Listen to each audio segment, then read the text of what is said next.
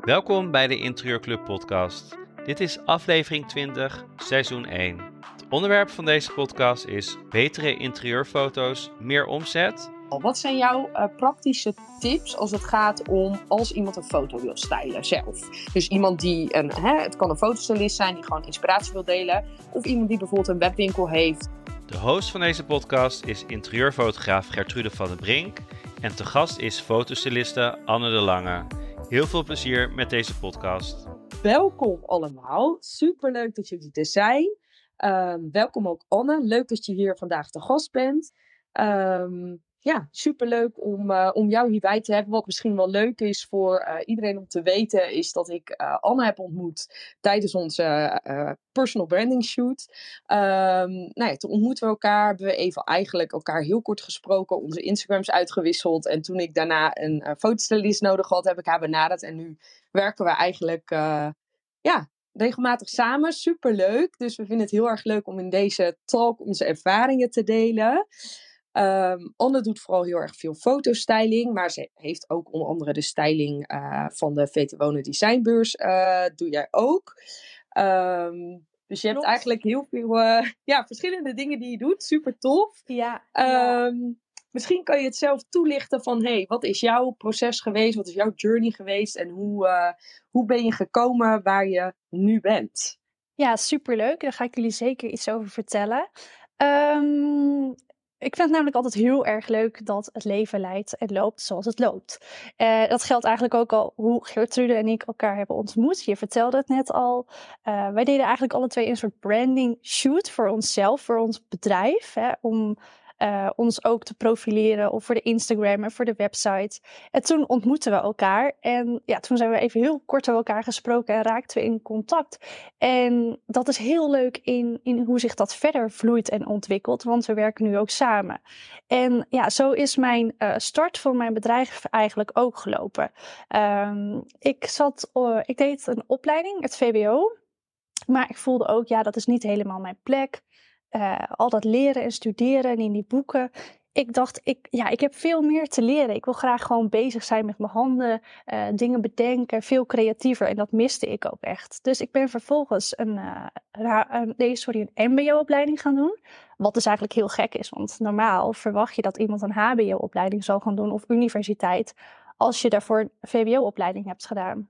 Ja, wat zei jouw omgeving daarvan? Ja, dat was natuurlijk best wel raar. Van, oh, huh, maar HBO toch? Of universiteit? Het was, ik moet je eerlijk vertellen, dat was gek. Uh, iedereen vond het eigenlijk gek. Maar het voelde voor mij als een hele goede keuze. En ik denk, ja, ik doe dat voor mezelf, weet je, die opleiding. Ik doe dat niet voor een ander. Dus waarvoor laat ik me leiden door de meningen van een ander? Uh, dus ik heb gewoon mijn hart gevolgd. Ik ben die opleiding gaan volgen. Uh, dat was Nimeto in Utrecht. Uh, ja, het is dus een MBO-opleiding. En ik deed alles zeg maar met twee vingers in mijn neus. Maar wat je daardoor doet, is dat je je eigen uh, uitdagingen creëert. Weet je, als we een project moesten opleveren, dan leverde ik er twee of drie op. Ik lever altijd net dat stapje extra. En daarmee spring je er dan eigenlijk ook wel uit. en daarbij, het moet ook niet saai worden voor jezelf. Want dan, dan heb je geen uitdaging meer. En dan ontwikkel je je ook niet meer. Dus dat vond ik zelf ook heel belangrijk. Um, ik heb mijn opleiding zeg maar in een versneld traject gedaan. Dus in plaats van dat ik er vier jaar over heb gedaan, uh, heb ik de opleiding afgerond in drie jaar en ben ik cum laude geslaagd. Um, en toen ja, was ik klaar om te gaan werken of ja, gewoon om geld te gaan verdienen en doen wat ik leuk vind. En dan kan je natuurlijk zoveel kanten op. En in dat laatste jaar van mijn opleiding liep ik stage bij de VT Wonen en Designbeurs. Uh, zoals je al vertelde, ja, dat, dat, dat, dat is ook onderdeel van mijn werk en daar werk ik nog steeds voor. Dus dan uh, bedachten we ten tijde van mijn stage hoe de VT Wonen en Designbeurs eruit kwam te zien qua ontwerp. Dus als bezoeker kom je op de, ja, op de beurs. Wat zie je dan? Waar loop je naartoe? Waar ga je een koffietje drinken? Hoe ziet dat koffietentje eruit? Um, en dat van A tot Z. En ik zeg dan ook altijd iets bedenken, dat is stap 1. Maar het realiseren, dat is stap 2. En, en dat was ook onderdeel van de stage. En dan komt er gewoon veel meer bij kijken dan alleen het creatieve plaatje bedenken. En dat is natuurlijk in iedere branche, in ieder vak, is er een onderdeel van bedenken en van realiseren. En, ehm, Ja, want hoe pak je dat aan? Het is natuurlijk een gigantische grote ruimte en een grote beurs. En hoe, eh, ja. wat heb je daarvan geleerd van die periode, zeg maar? Eh, nou, ik, ik werd ook begeleid door Marigon. Marigon was mijn stagebegeleider en die had dat ook al een jaar eerder gedaan. Dus zij nam ze mij zeg maar op sleeptouw en dan kreeg ik heel concreet van haar vragen van... joh, zou je dit of dit willen uitzoeken? Of joh, we willen dit gaan... eh, we willen tafels gaan plaatsen in die en die stijl. Waar kunnen we die vinden? Dus het waren ook gewoon hele, hele praktische tools. En ja, wat ik daarvan geleerd heb, echt, wat heb ik er niet geleerd? Serieus, het was echt niet normaal. Van, van hard aanpakken, van hard werken, gewoon van praktische zaken. Ehm, inzicht in kosten, inzicht in hoe je dingen realiseert, inzicht in hoe je mensen aanstuurt. Want ik kreeg ook heel veel verantwoordelijkheid, even serieus. Dus je werd ook gewoon een beetje in het diepe gezet. Maar dat, dat vind ik ook helemaal niet erg, want dan leer je juist de dingen en dan ontwikkel je je ook snel. En dat is uiteindelijk ook het doel van een stage. Ehm, en dat is gewoon keihard werken ook. Van zes uur s ochtends uh, beginnen tot uh, één uur s'nachts. En dan uh, tien dagen lang of zo. dus dat was heel intensief. Maar toen dacht Ja. ik, wow, wat een wereld, weet je. Dus ik vond het super leuk ook. Nou zijn gelukkig echt niet al mijn dagen zo. Maar als stage is dat mega leuk om daar ben je van te smullen, weet je, van die wereld. Ja, Ehm, precies. En ook heel tof om zo met iemand mee te lopen en het eigenlijk daar weer van, eh, van te leren.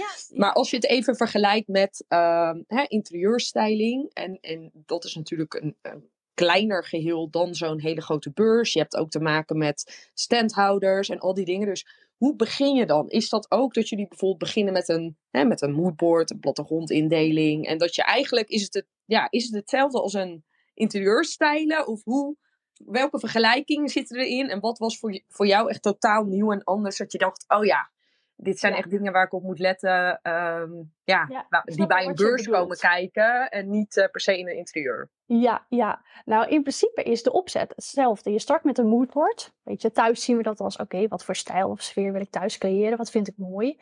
En dat gedeelte gaat eigenlijk hetzelfde met de, met de start van de beurs. Dus oké, we hebben een hal. Wat voor sfeer moet daar komen? Wat voor stijl? Eh, het grappige is eigenlijk, je doet een soort copy-paste van het ontwerpen van een interieur. Alleen is het daar in een groter geheel, hè, meer vier- vierkante meters die gevuld moeten worden. Ehm, dus je kijkt puur thuis naar wa- wat vind ik een mooie, een mooie tafel, wat vind ik mooie stoelen erbij, wat voor verlichting wil ik erboven. En dat doe je zo ook op de beurs. Dus je kijkt puur, oh, wat vind ik mooi, welke stijl, past erbij, welke kleur op de wand. Maar dan doe je het keer acht, dus je vermenigvuldigt dat zeg maar om die ruimte te vullen. En je kijkt ook naar eye-catchers, je kijkt ook naar routing. Uh, en daar gaat het vooral voor de beleving op zich als je daar bent. Hè. Het mag best wel uitgesproken zijn, want ja, je bent daar en je gaat naar huis. Hetzelfde eigenlijk in een hotel, weet je. Dat mag best wel uitgesproken zijn. Uh, maar het moet juist blijven hangen en dat is belangrijk. Als ik dat reflecteer naar een interieur, uh, bijvoorbeeld bij mij thuis, dat moet als een hele fijne thuishaven voelen. Dat als ik vanavond thuis kom, dat ik denk, oh, dit is een fijne, relaxte plek. Hier voel ik me thuis. En dat hoeft niet zo uitgesproken per se te zijn als bij een beurs of op in een hotel. Uh, dat kan natuurlijk wel. Als jouw stijl of sfeer dat is, dan is dat helemaal prima. Dus voor mij zit daar echt wel een degelijk verschil. Daar op zo'n beurs wil je iemand prikkelen. Um, in een hotel wil je iemand prikkelen. Uh, en dat is ook met fotografie voor bijvoorbeeld magazines of op de Instagram. Wat jij wilt is mensen prikkelen. Je wilt mensen inspireren. En ik denk dat dat al vooral belangrijk is die prikkeling en die inspiratie die je aan andere mensen wilt meegeven, mag op bepaalde plekken wel. En op bepaalde plekken is dat niet altijd nodig. En ik denk dat dat ook heel interessant is. Snap je een beetje ja, super tof. Uh, ja. ja, ja, nee, ik snap heel goed wat je bedoelt. Het is natuurlijk anders. Kijk, in huis wil je, wil je gewoon dat hele huiselijke gevoel hebben. En natuurlijk wil je ook wel geprikkeld worden, of wil je ook wel dat je huis een inspiratie Hè, dat je je geïnspireerd voelt in je eigen huis. Uh, maar ja, als je daar uh, eenmaal een tijdje woont, uh, wil je natuurlijk ook gewoon dat je. Ja, je wil je er gewoon thuis voelen. En um, wordt het, het ook me... weer allemaal normaal of zo. Ja, lijkt me ook geen goed idee om drie keer eh, per jaar je huis op de kop te zetten. Nee, nee precies. Nee, je kunt natuurlijk wel dingen veranderen, maar sommige mensen blijven altijd aan de klus. Ja, ja. Maar hoe, um, ja, hoe is het eigenlijk daarna verder gegaan? Want je, je liep daar stage en toen ben je meteen voor jezelf begonnen. Ben je iets in loondienst gegaan? Of hoe... Uh... Nee, ik liep mijn uh, stage daar. Ik heb dat jaar afgemaakt op Mimeto. Ik ben geslaagd en ik ben aan de start gegaan als, uh, ja, als zelfstandig ondernemer. Uh, dat jaar... Hoe oud was je toen? Toen was ik 21. Oh, echt nog een uh, broekie. Ja, echt joh. Maar dat voelt al, al tegelijkertijd voelt het al heel lang geleden. En tegelijkertijd denk ik, ja, wauw, wat heb ik in die tijd veel geleerd en wat ben ik gegroeid. Want ik ben nu 27, dus ja, al meer dan vijf jaar ook al ondernemer.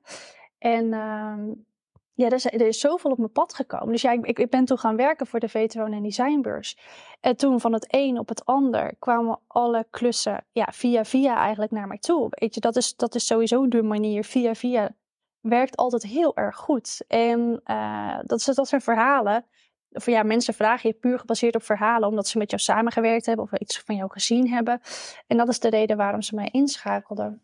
Ja, precies. Dus eigenlijk ben je als freelancer toen voor de VTO. Dus je ging niet in loondienst, maar nee nee, nee. freelance. Ja. Ik was echt als freelancer gestart, inderdaad.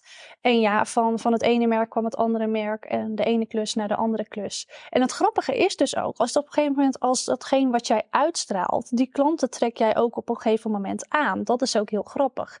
Tuurlijk, weet je, niet, misschien zijn niet alle klussen aan het begin heel leuk. Maar je moet jezelf ook ontwikkelen. Weet je, welke kant wil ik opgaan? Uh, wat past bij me, wat past niet bij me. En ja, ik was 21, dus ik was sowieso in de fase van het ontdekken en bekijken en meemaken en zien en leren. Uh, en niet altijd alles kan even leuk zijn, dus dat hoort er ook gewoon bij. Maar ja, ja na nu vijf jaar zo ontwikkeld, heb ik heel veel dingen geleerd en mag ik echt voor de meest leuke bedrijven werken. Dus dat heb Ja, want voor welke merken, kijk, ik weet het natuurlijk wel, maar voor welke merken uh, ja, noem een paar merken waar je ja. fotostyling voor hebt gedaan wat je heel tof vindt. Ja, nou waar ik heel trots op ben. Uh, ik heb, dat is gelijk die eigenlijk op nummer 1 staat ook wel. Ik heb een fotoshoot gedaan voor de Bijenkorf. Uh, ik doe fotografie voor de Rebellenclub. Uh, voor Vloerkledenwinkel. Voor Edelman. Dus zij hebben merken onder zich als Mika Decorations en Casa Vivante. Um, voor 60 Fruits hebben wij samen onlangs een uh, shoot gedaan. Daar heb ik ja. een fotografie-styling voor gedaan. Nou heb ik morgen weer een fotoshoot voor Gert Snel. Dus ja, het vliegt ja. echt van allerlei leuke merken en bedrijven. En dat Super is ook leuk, tof. weet je. Ja. Een, ja, het ene bedrijf en het andere bedrijf is niet hetzelfde. En dat is ook gewoon heel leuk. Weet je, iedere dag is weer anders. Je ontdekt nieuwe mensen. En uh, ja, zo. Dat super is mijn verhaal. tof. Ja, ja, super tof om, uh, om te horen. En Straks gaan we ook even verder op in hè, hoe je dat dan aanpakt. Uh, met zo'n shoot. We, we, stellen elkaar eerst even elkaar voor. Het is misschien wel goed om voor iedereen te weten hoe ziet de room er vandaag uit. Uh, dus we willen graag even, zodat jullie weten eh, wie wij zijn. Super tof om jouw verhaal ook te horen, eh, Anne. En dan willen we eigenlijk ingaan op het onderwerp. Het onderwerp is betere interieurfoto's, meer omzet. Dus daar een stuk over delen en wat onze gedachten hierover zijn. Um, en aan het einde willen we ook gewoon, ja, als je tussendoor vragen hebt, mag je die natuurlijk uiteraard stellen. We willen aan het einde ook echt praktische tips geven hoe je dit nou zelf kan aanpakken. Als je zelf meer wil doen met fotografie en fotostyling. Uh, en dan kunnen jullie ook gewoon je vragen stellen. Um, super tof om jouw uh, verhaal te horen, Anne. Ik zal ook mezelf even voorstellen uh, voor de mensen die me nog niet kennen. Zeggen, uh, jouw verhaal is ook wel heel erg leuk en interessant. Ja, je had ja. Hem, ik heb hem onlangs inderdaad even gedeeld op social media met foto's en alles erbij. kreeg ik ook veel reacties op. want mijn route is, ik ben niet altijd fotograaf geweest. Ehm, eigenlijk ja, ik ben wel altijd creatief geweest. Maar ja, toen ik klaar was met de middelbare school, dacht ik echt, wat ga ik doen? Ik vond het heel erg moeilijk om te kiezen. Uh, de ene kant had ik een creatieve kant. Uh, dus ik ben echt naar open dagen geweest van de fotoacademie. Maar ik vond het ook heel leuk om mensen te helpen. Dus ik ging ook naar uh, de SPW. En nou ja, zo, ik ben ook naar de kunstacademie geweest. Dat vond ik weer te alternatief. Dus ik dacht echt, wat moet ik doen? Nou, uiteindelijk dacht ik, mensen helpen is toch ook wel een groot onderdeel van uh, wat ik belangrijk vind. Um, dus daar heb ik toen uiteindelijk voor gekozen. Um, en toen, ja, toen was ik klaar met die studie. En toen dacht ik, ja, ik wil heel graag mensen verder helpen maar niet in een rol als zorgverlener. Van dat is toch niet helemaal uh, wat bij mij past. Um, dus ja, hoe ga ik nu verder? Nou, toen kreeg ik eigenlijk een baan aangeboden uh, bij een non-profit organisatie. Um, en tussendoor maakte ik ook, hè, want als we even het fotostukje erbij halen, dat deed ik gewoon in mijn vrije tijd. Ik maakte wel eens foto's. Ik vond dat super leuk om te doen. Um, en ik wilde ook heel graag zelf een fotocamera. Die had ik op dat moment nog niet.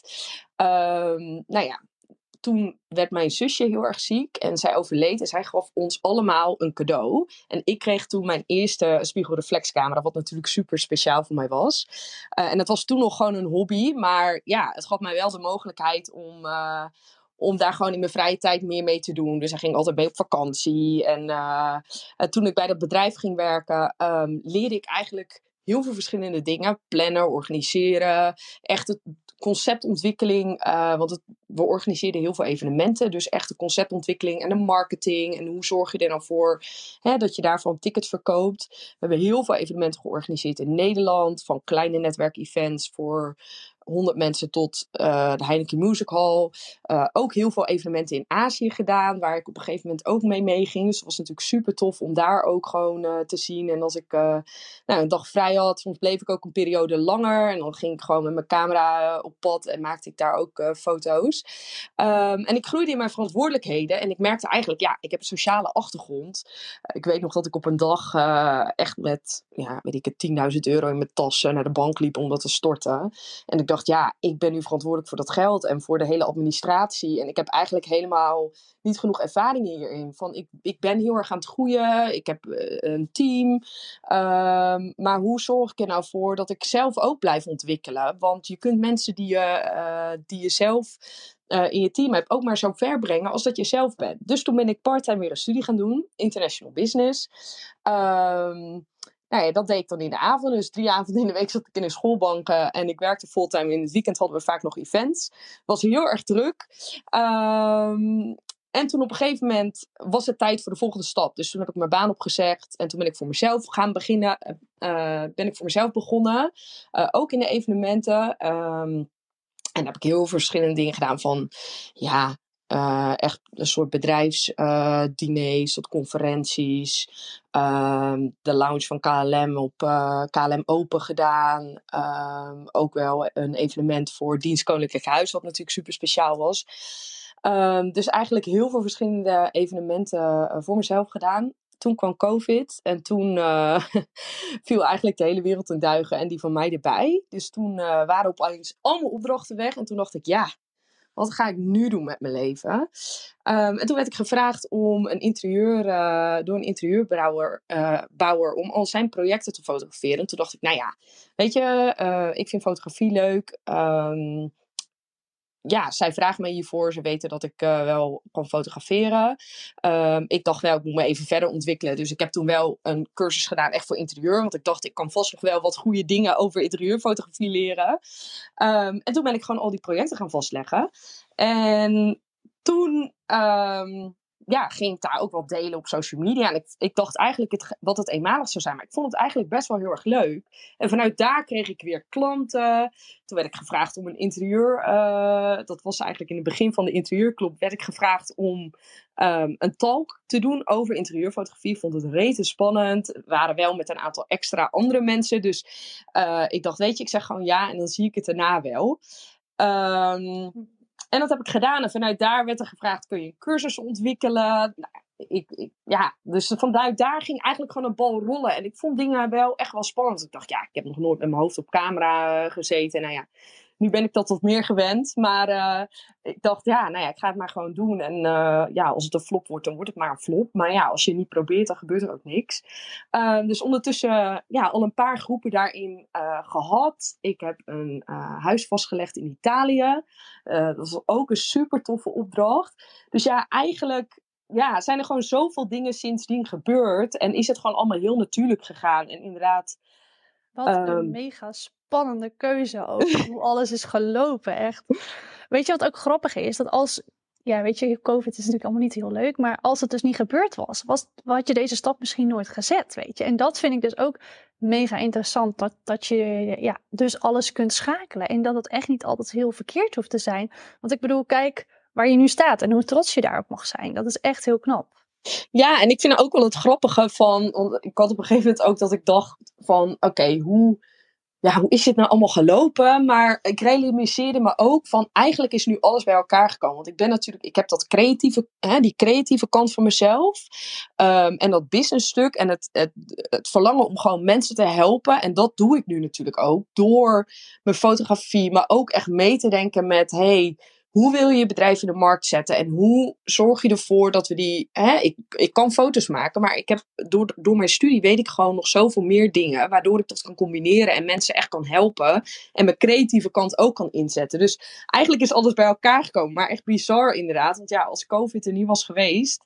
Geen idee wat ik dan nu aan het doen was. Dan stond je misschien nog op de evenementen. Wat misschien toen ook helemaal prima was. Maar, eh, en misschien was je dit ooit ook wel verder in de toekomst gaan doen. Maar het is soms ook weer te goed om te schakelen gewoon wanneer het moet. En je er eigenlijk zelf helemaal niet om vraagt. Ja, precies. Dat, dat is echt zo. En gewoon, weet je, ik, ik ehm, gewoon ook geloven van dat je het kan doen, weet je wel. En gewoon stappen zetten. En natuurlijk, niks is perfect. Ehm, ik vind dat soms wel eens lastig. Ik heb af en toe echt wel dat ik dingen echt heel goed wil doen en het beste wil leveren aan mijn klanten. Maar ik heb ook geleerd dat je niet uit je comfortzone stapt en maar blijft tegenhouden door de gedachte van ja, maar kan ik dit wel? Dan ga je dus nergens komen. Dus je moet gewoon echt de keuze maken van hé, hey, Ehm, ik vind het spannend, maar ik doe het maar gewoon. En ik ga nu gewoon, ik ga er alles aan doen om het beste te leveren. En dit is gewoon waar ik nu ben. En ehm, Ja, ja, Ja. zo leer je onderweg weer, zeg maar. Leuk. Ja, en zo zitten we hier. Want voor ons Ja. is het ook nog mega spannend. Maar ook weer een stap verder. En superleuk om onze kennis te delen. Ja, super tof. Nou, ja, Ja. vandaag is natuurlijk het onderwerp eh, betere interieurfoto's. Meer omzet. En toen ik hierover nadacht, dacht ik, ja, weet je, wat, waar, ga, waar gaat dit over? Kijk, de basis is natuurlijk ehm, foto's. Van wat is het effect van foto's überhaupt? Hè? Of het nou goede of slechte foto's zijn. Ehm, en ik ging daar even ook wat statistieken over opzoeken van wat doet een foto eigenlijk? Nou, een paar dingen die ik tegenkwam was, nou, mensen onthouden drie dagen na het lezen slechts 10% van de informatie. Het toevoegen van een foto kan de herinnering met 65% verbeteren. Dat is een van de feiten die ik tegenkwam. En voor Facebook, wat natuurlijk, hè, Instagram is natuurlijk foto- en video-based, maar Facebook kun je natuurlijk ook alleen teksten plaatsen. En daarvan stond Facebook afbeeldingsberichten ontvangen 352% meer betrokkenheid dan alleen tekstberichten. Dat is natuurlijk een bizar verschil. Betekent natuurlijk niet meteen dat het meer omzet oplevert. Maar het betekent wel dat, dat wij gewoon heel erg afbeelding georiënteerd zijn als mensen. Maar wat denk jij, Anne? Levert het ook meer conversie op?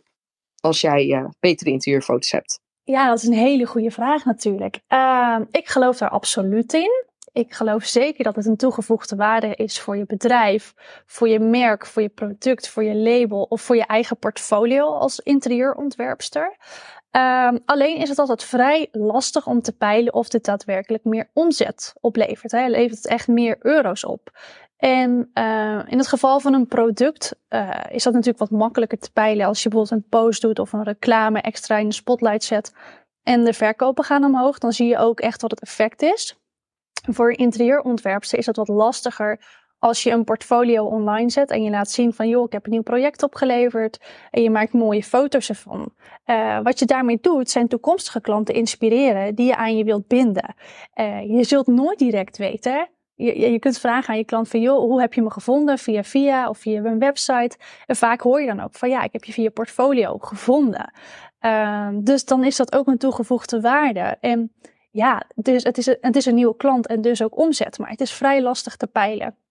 Nou, vind Ja, want jij, ehm, even over dat stukje van de bijenkorf. ja, Ehm, zij hadden jou toch ook gevonden via eh jouw portfolio? klopt. En dat is ook precies inderdaad wat ik net zeg van, ja, dat por- portfolio is dus wel belangrijk, want je inspireert klanten. Klanten die jou nog niet persoonlijk kennen, maar jou wel persoonlijk willen leren kennen, omdat ze zien wat je doet, wat je kunt, wie je bent, wat je projecten zijn die je hebt opgeleverd. Dus je hebt ze ergens geprikkeld of ja, enthousiast gemaakt om contact met jou op te nemen. En zo is dat ook geweest bij de Bijenkorf inderdaad. Die hadden contact met mij opgenomen naar aanleiding van eh, mijn website, mijn portfolio. Ze zagen wat ik eh, ja, kon, wat mijn afgeronde projecten waren. En eh, dat is een reden geweest om contact met mij op te nemen. Wat ik natuurlijk ook mega spannend vond. Want ik dacht, wauw, serieus? Weet je, kan, ik dit soort klanten bereiken? Ja, dat kan dus. Hè. Dat kan dus ook alleen omdat eh, mijn portfolio er goed uitziet. En ik dus gebruik maak van mooie beelden. Wat dacht je toen die mail binnenkwam? het eerste wat ik dacht is, ah, dit is spam, dat kan echt niet. Nee, nee. en toen dacht ik, oké, ik ga de mail rustig beantwoorden. Oké, gelijk beantwoorden. Nee, een half uurtje later. En dat je gewoon echt, dat je, dat je zelf ook denkt van, nou nee, dat kan even niet waar zijn. En uh, ja, superleuk. Ik heb toen uh, een hele mooie locatie, ja, we hebben gefotografeerd op een hele mooie locatie Um, en die beelden staan ook op mijn portfolio. Dus als je het leuk vindt, uh, kun je ook even een kijkje nemen op mijn website. En dan staat die in. En dan kan je zien wat voor beelden we hebben geschoten. Ik ben natuurlijk echt niet de enige op locatie. Want er is een fotograaf bij, een heel team. Uh, maar ik was wel verantwoordelijk ook voor de fotostyling. En zorgde ervoor dat alles ook binnen de tijd af was die dag. Dat alle foto's gemaakt zijn. Dus dat was echt heel erg leuk. Ja, super tof. Dus eigenlijk, ehm, ja, laat dit al zien van als jij je portfolio online zet, zorgt het er wel voor dat klanten uh, beter over, hè, makkelijker overgehaald worden om voor jou te kiezen, omdat ze eigenlijk al zien het werk wat je gedaan hebt. Um, dus ja, dat, dat is natuurlijk iets wat absoluut meewerkt. Ik merk dat ook bij hè, de eerste opdracht bijvoorbeeld die ik had gedaan voor de interieurbouwer. Nou, die had een beetje zoiets van, ja, weet je, ik weet niet welke kant het op gaat met de hele wereld. En uh, ik heb geen website, die heb ik ook nooit nodig gehad, genoeg klanten. Maar hè, we weten niet uh, wat het allemaal gaat doen. Dus laat ik maar, hè, wil jij nu gewoon mijn projecten vastleggen? Dan kan ik in ieder geval zorgen dat ik een website heb.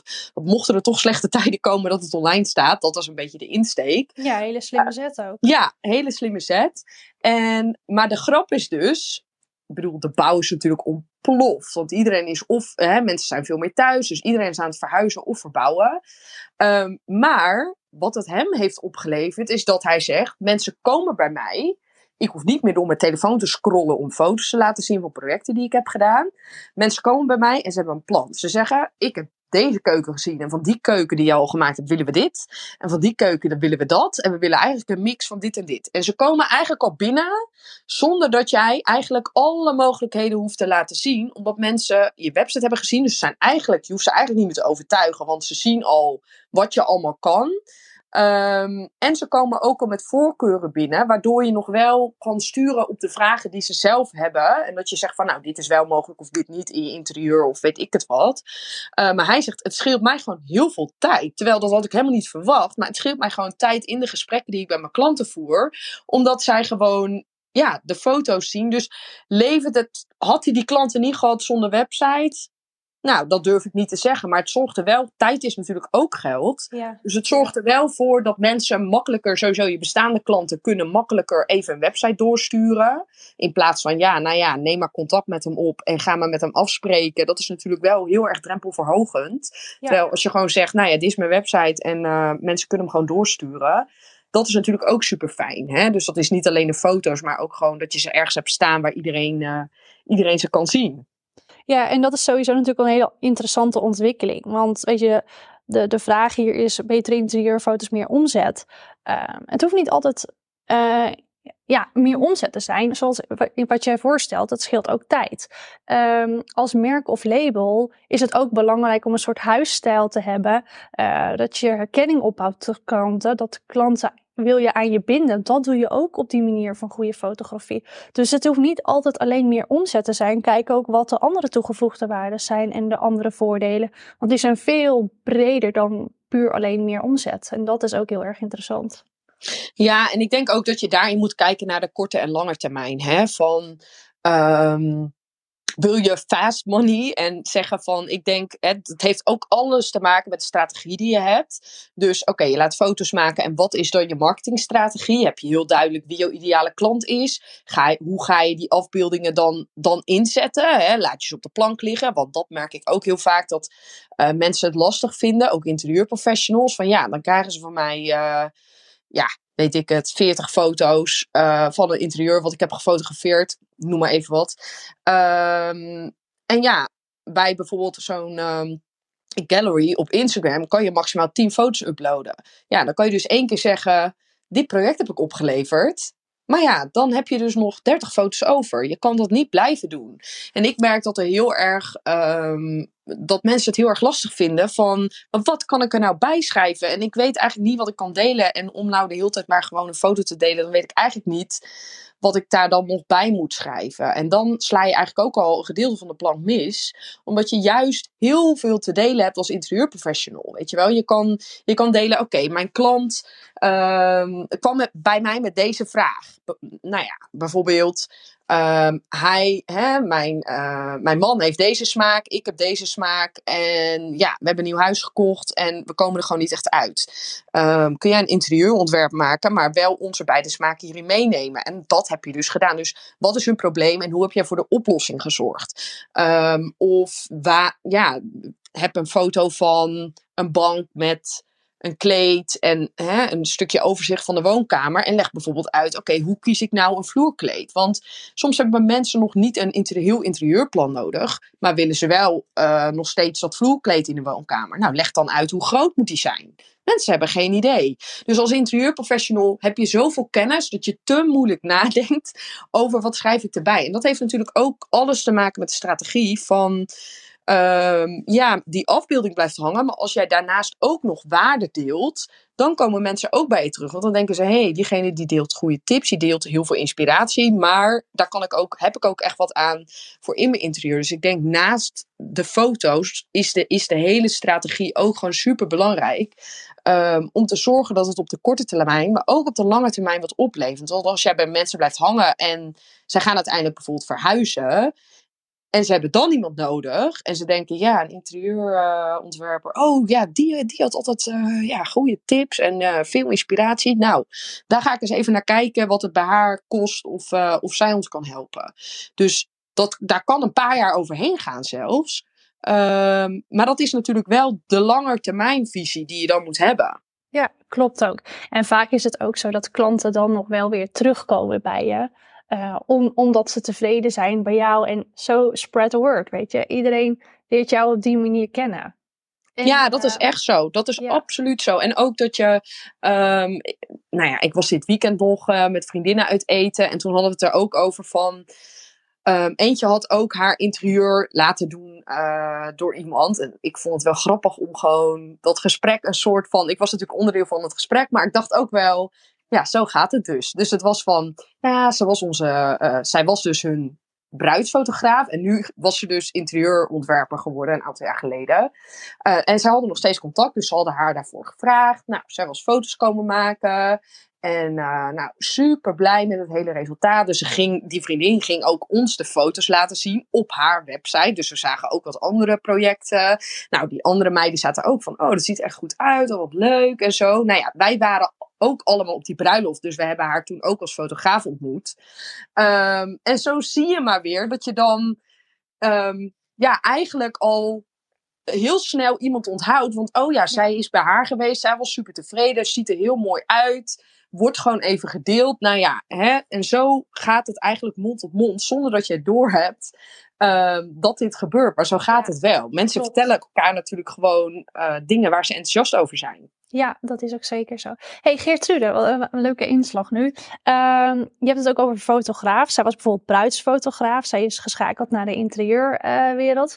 Is er eigenlijk ook voor jou een verschil voor een gewone fotograaf en een interieurfotograaf?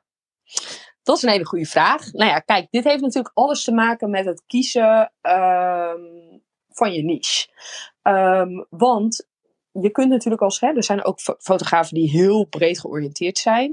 Uh, maar ik geloof ook echt dat het heel goed is om te kiezen voor iets waar jij uh, passie voor hebt en wat je heel erg leuk vindt. Uh, dus ik weet nog toen ik net mijn uh, spiegelreflex had, nou, toen werd ik gevraagd om een gezin op de foto te zetten. Nou, dat waren ook heel veel mensen en heel veel volwassenen.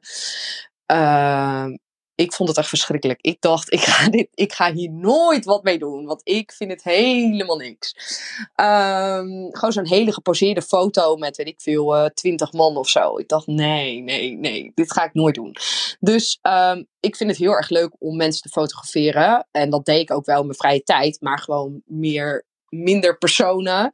Um, En niet in, in zulke grote groepen en dat soort dingen. Dus er zijn ook, sommige mensen vinden dat wel fantastisch. Um, dus daarin is het ook heel erg zoeken naar wat vind je zelf heel erg leuk om vast te leggen. En ik vind het gewoon, ik heb altijd uh, interieur heel erg leuk gevonden. En nu is het gewoon een hele toffe combi dat ik dat mag vastleggen en daarmee de interieurprofessional mag helpen om uh, hun diensten beter te verkopen. Uh, en natuurlijk zijn er ook gewoon andere dingen waar je op moet letten. Hè? Dus als je een persoon fotografeert, uh, moet je heel erg letten op het poseren en dat soort dingen. leg je een bruiloft vast, dan moet je precies weten op welke tijden, welke belangrijke momenten er komen. En dat je precies op het juiste moment daar ook bij bent.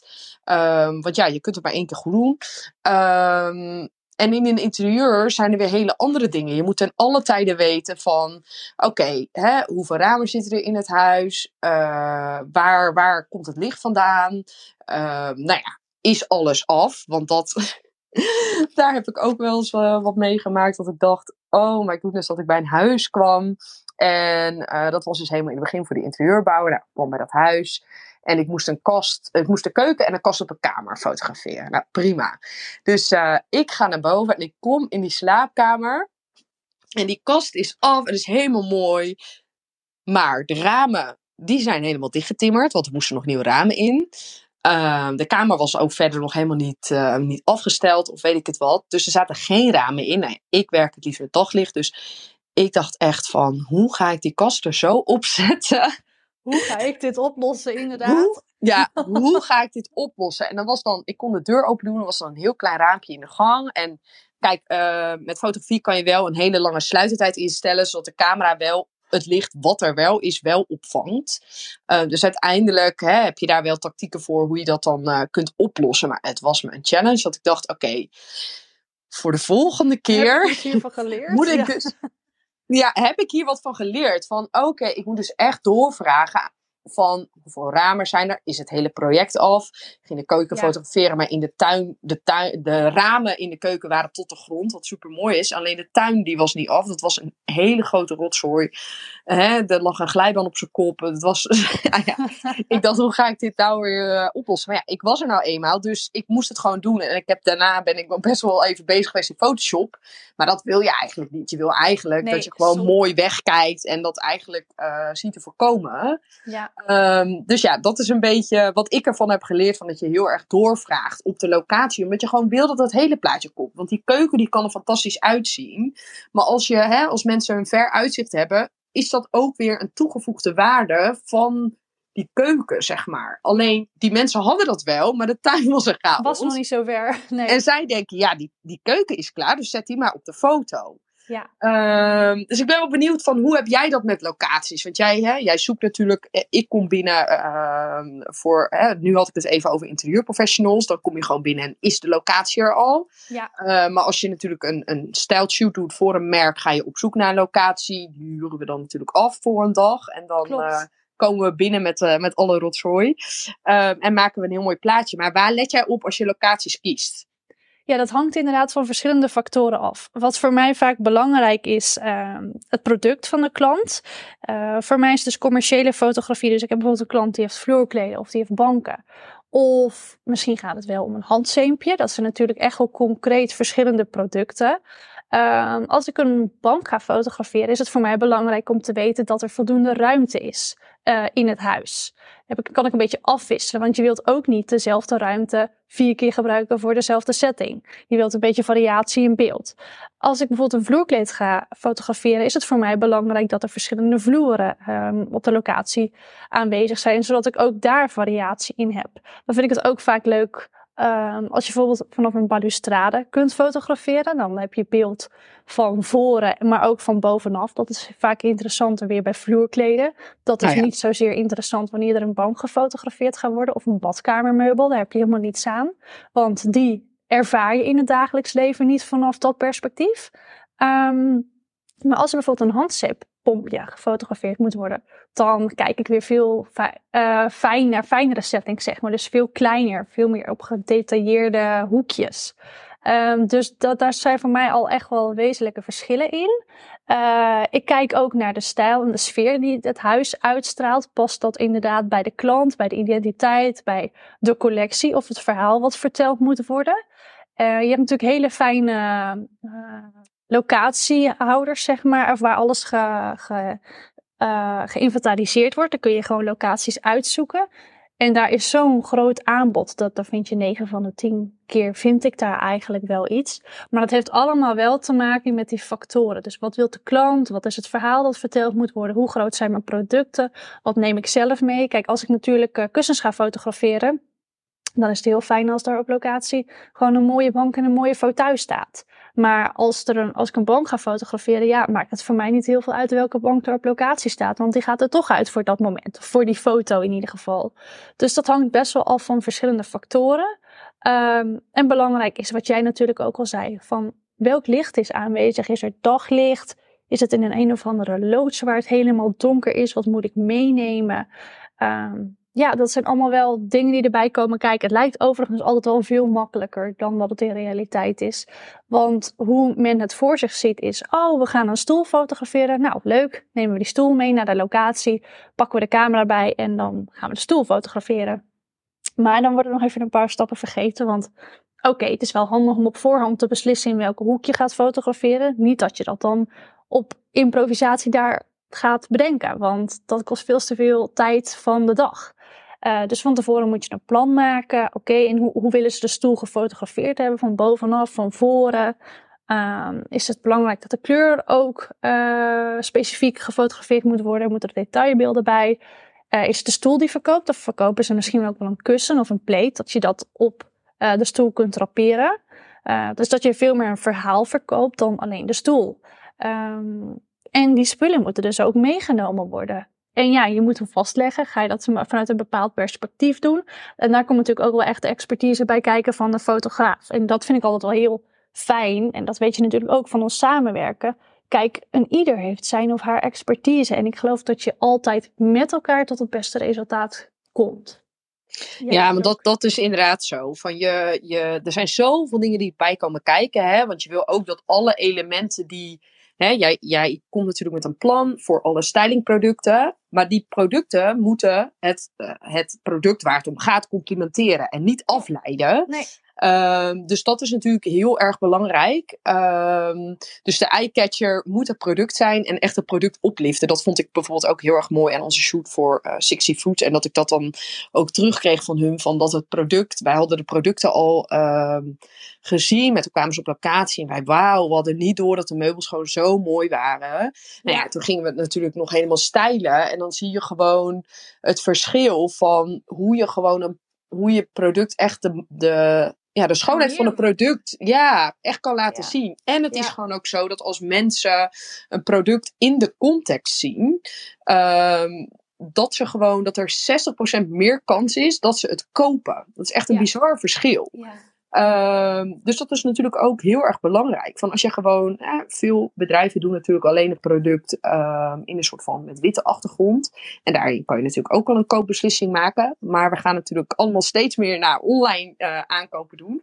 Um, en dan is het heel fijn om gewoon een product in de, in de context te zien en te denken van ja, zo zal het ook staan in mijn huis. Dit product wil ik gewoon. Dat heb ik altijd. Daarom werkt het natuurlijk ook supergoed als je bijvoorbeeld kijkt naar mensen die hun huis delen. Hè? Die, die, nou ja, dat werkt natuurlijk supergoed op Instagram. Daarom worden heel veel van dat soort mensen ook, uh, nou ja, die krijgen heel veel following. Omdat mensen gewoon inspiratie willen. Ze zien iemand in hun huis. Ze kunnen alle vragen stellen. Waar heb je dit gekocht? Waar heb je dat gekocht?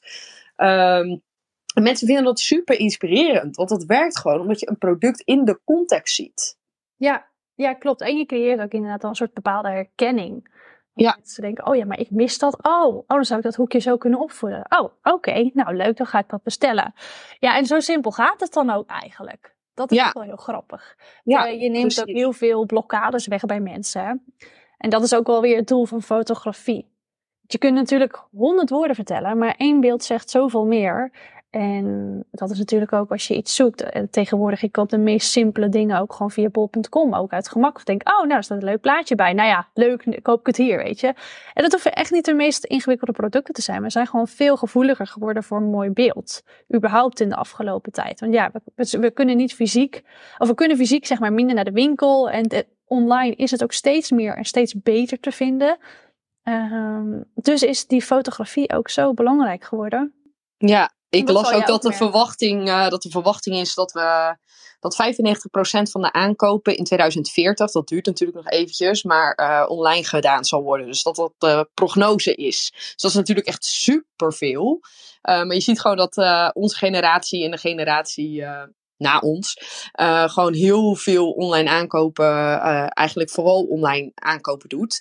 Dus dat is natuurlijk een ontwikkeling ehm, ja, die we ook in ons achterhoofd moeten houden. Alles gaat gewoon natuurlijk online. En ik denk ook dat door de hele pandemie is dat natuurlijk in een enorme stroomversnelling gekomen. Waardoor mensen ja, daar ook gewoon het veel makkelijker eh, bestellen. Waardoor al die eh, bezorgbedrijven helemaal eh, op een gegeven moment helemaal overbelast geraakt waren. Ehm, maar ja, dat is natuurlijk een ontwikkeling. En daar moeten we natuurlijk in mee. En foto's is daar natuurlijk... natuurlijk een belangrijk onderdeel van. Dus ik denk om te concluderen dat ehm, ja, op de lange termijn dat, dat betere foto's gewoon zorgen voor meer omzet. Eh, dat we dat wel kunnen concluderen. Ehm, dan wil ik eigenlijk zo meteen nog even ingaan op praktische tips. Hè? Van oké, als iemand zelf betere foto's wil maken. eh, en ehm, een foto wil stijlen, want dat is natuurlijk weer anders dan dat je een interieur eh, stijlt. Er ging ook een poll over. Mensen vonden het lastig van wat is nou precies het verschil. Ehm, dus misschien kunnen we daar zo meteen tips voor geven. 14 maart eh, start mijn cursus over interieurfotografie. Eh, hoe kun je zelf interieurfoto's maken met je smartphone? Als je een camera hebt kun je ook meedoen. Nou, ik ga je eigenlijk alles uitleggen dat- van wat heb je nodig qua gear? Hoe maak je nou een mooie compositie? Ehm, je krijgt wekelijks huiswerk en persoonlijke feedback van mij. Dus er is ook mijn plek voor 15 personen. Ehm, nou ja, zeven plekken zijn al verkocht. En eigenlijk moet je gewoon je, je huiswerk uploaden in een Facebookgroep. En dan gaan we daar gewoon naar kijken. En zal ik je ook tips geven van... hey, dit gaat al supergoed. Dit kun je beter doen. Dus je, kunt veel, je krijgt elke week een filmpje. Die kun je kijken in je eigen tijd. En dan kun je de huiswerk ook in je eigen tijd doen. En dan moet je het uploaden. En dan krijg je gewoon persoonlijke feedback. Ehm, wat kan ik er nog meer over zeggen? Nou ja, ik vind het in ieder geval heel erg leuk om andere mensen daarmee te helpen. Want het is gewoon best wel een investering om een fotograaf in te huren. En als je gewoon zelf deze skill al kan ontwikkelen, daar heb je gewoon altijd wat aan. Want je bent altijd op locatie. Of ook als je producten verkoopt van ehm, die skill heb je gewoon altijd wat aan. Omdat je gewoon weet wat de basis is om goede foto's te maken. Waar je op moet letten. Ehm, dus dat vind ik heel tof om ehm, ja, met anderen te delen. Ehm, ik heb nog geen vragen of handjes gezien. Dus Anne, steek van wal. Wat zijn jouw eh, praktische tips als het gaat om als iemand een foto wil stylen zelf? Dus iemand die een, hè, het kan een fotostylist zijn die gewoon inspiratie wil delen. Of iemand die bijvoorbeeld een webwinkel heeft en ehm, ja, die producten zelf op de foto wil zetten en beter eh, wil verkopen. Ja, nou, daar geef ik inderdaad graag wat tips over, want dat hoeft soms helemaal niet zo ingewikkeld te zijn. We denken vaak eigenlijk al te ingewikkeld of tien stappen verder. Van, oh, is het wel goed genoeg? En hoe zou mijn concurrent het aanpakken? En wat vindt de klant ervan? Eh, begin gewoon heel simpel. Eh, er zijn vast uh, als interieurontwerpster hoekjes of projecten die je al afgerond hebt. Je hebt ook vaak projecten die zijn half afgerond. Uh, wacht niet totdat het project volledig is opgeleverd. Maar ga al eens langs ten tijde van uh, het project. Maak wat foto's en, deel deze. En als ze een beetje laagdrempelig zijn, dan kun je ze prima op de Instagram delen. Maar als je denkt van nou, ben hier eigenlijk best wel trots op. Het is goed vastgelegd. Waarvoor zou je er niet meer mee doen? Geef ze een mooie plek op je website, op je portfolio. Zet er een leuke inleidende tekst bij. En vertel wat je gedaan hebt. En, en, en hoe je de klant blij hebt gemaakt, hoe je de klant hebt geholpen. En zo kan het dus ook zijn als je bijvoorbeeld een webwinkel hebt en je verkoopt, uh, we nemen als uitgangspunt een, een kussen. Uh, ja, een kussen kun je natuurlijk op tien uh, verschillende manieren fotograferen. Je kunt hem als backshot, op een tafel, op een bank, in een stoel. maar dat klinkt allemaal vrij inspiratieloos. Wat je juist wil, is dat je mensen lekker gaat maken om dat kussen te kopen. Dat ze denken van wauw, ja, die mis ik eigenlijk nog op mijn bank. Of die past leuk bij de andere kussens die ik heb. Uh, en dan doe je echt door sfeer toe te voegen in de foto. Nou, die sfeer heb je waarschijnlijk al thuis of kun je wel op een plek vinden.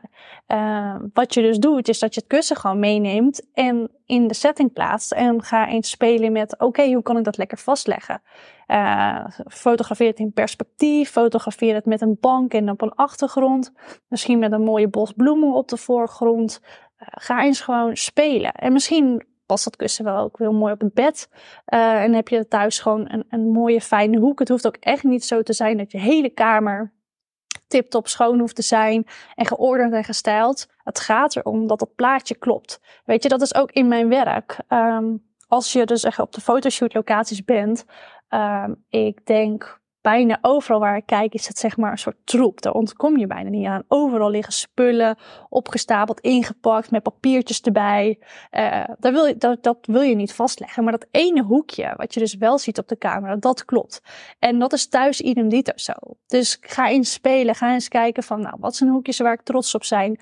Hoe kan ik hier een mooie, fijne foto maken? En wissel ook af in beelden waar, waar je meer overall uh, dingen ziet. En maak ook wat mooie detailbeelden. Want uh, dat is ook wel met, met tegenwoordig met de online wereld.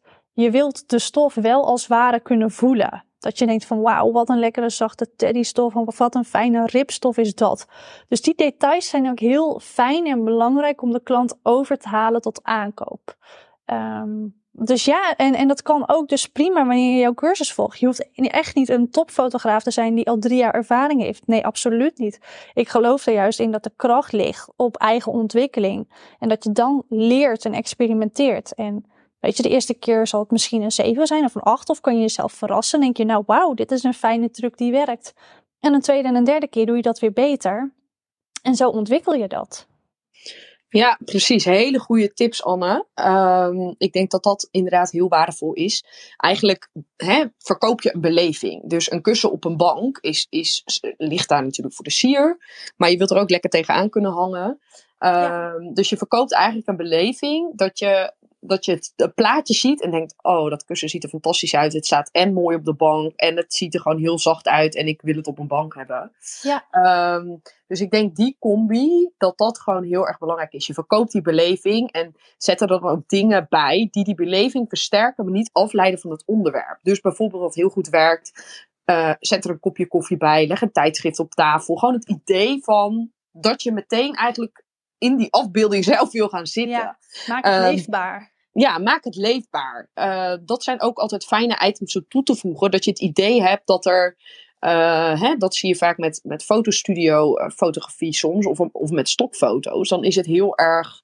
Is het zo erg gemaakt dat je denkt: hé, hey, uh, daarom gaan we natuurlijk heel erg over naar het fotograferen in huizen, omdat in een fotostudio zie je geen verwarming, zie je geen dingen die een huis huiselijk maken, zonder dat het um, ja, heel erg huiselijk is of afleidt. Maar je weet gewoon, dit is een echt huis en niet een soort van gestaged.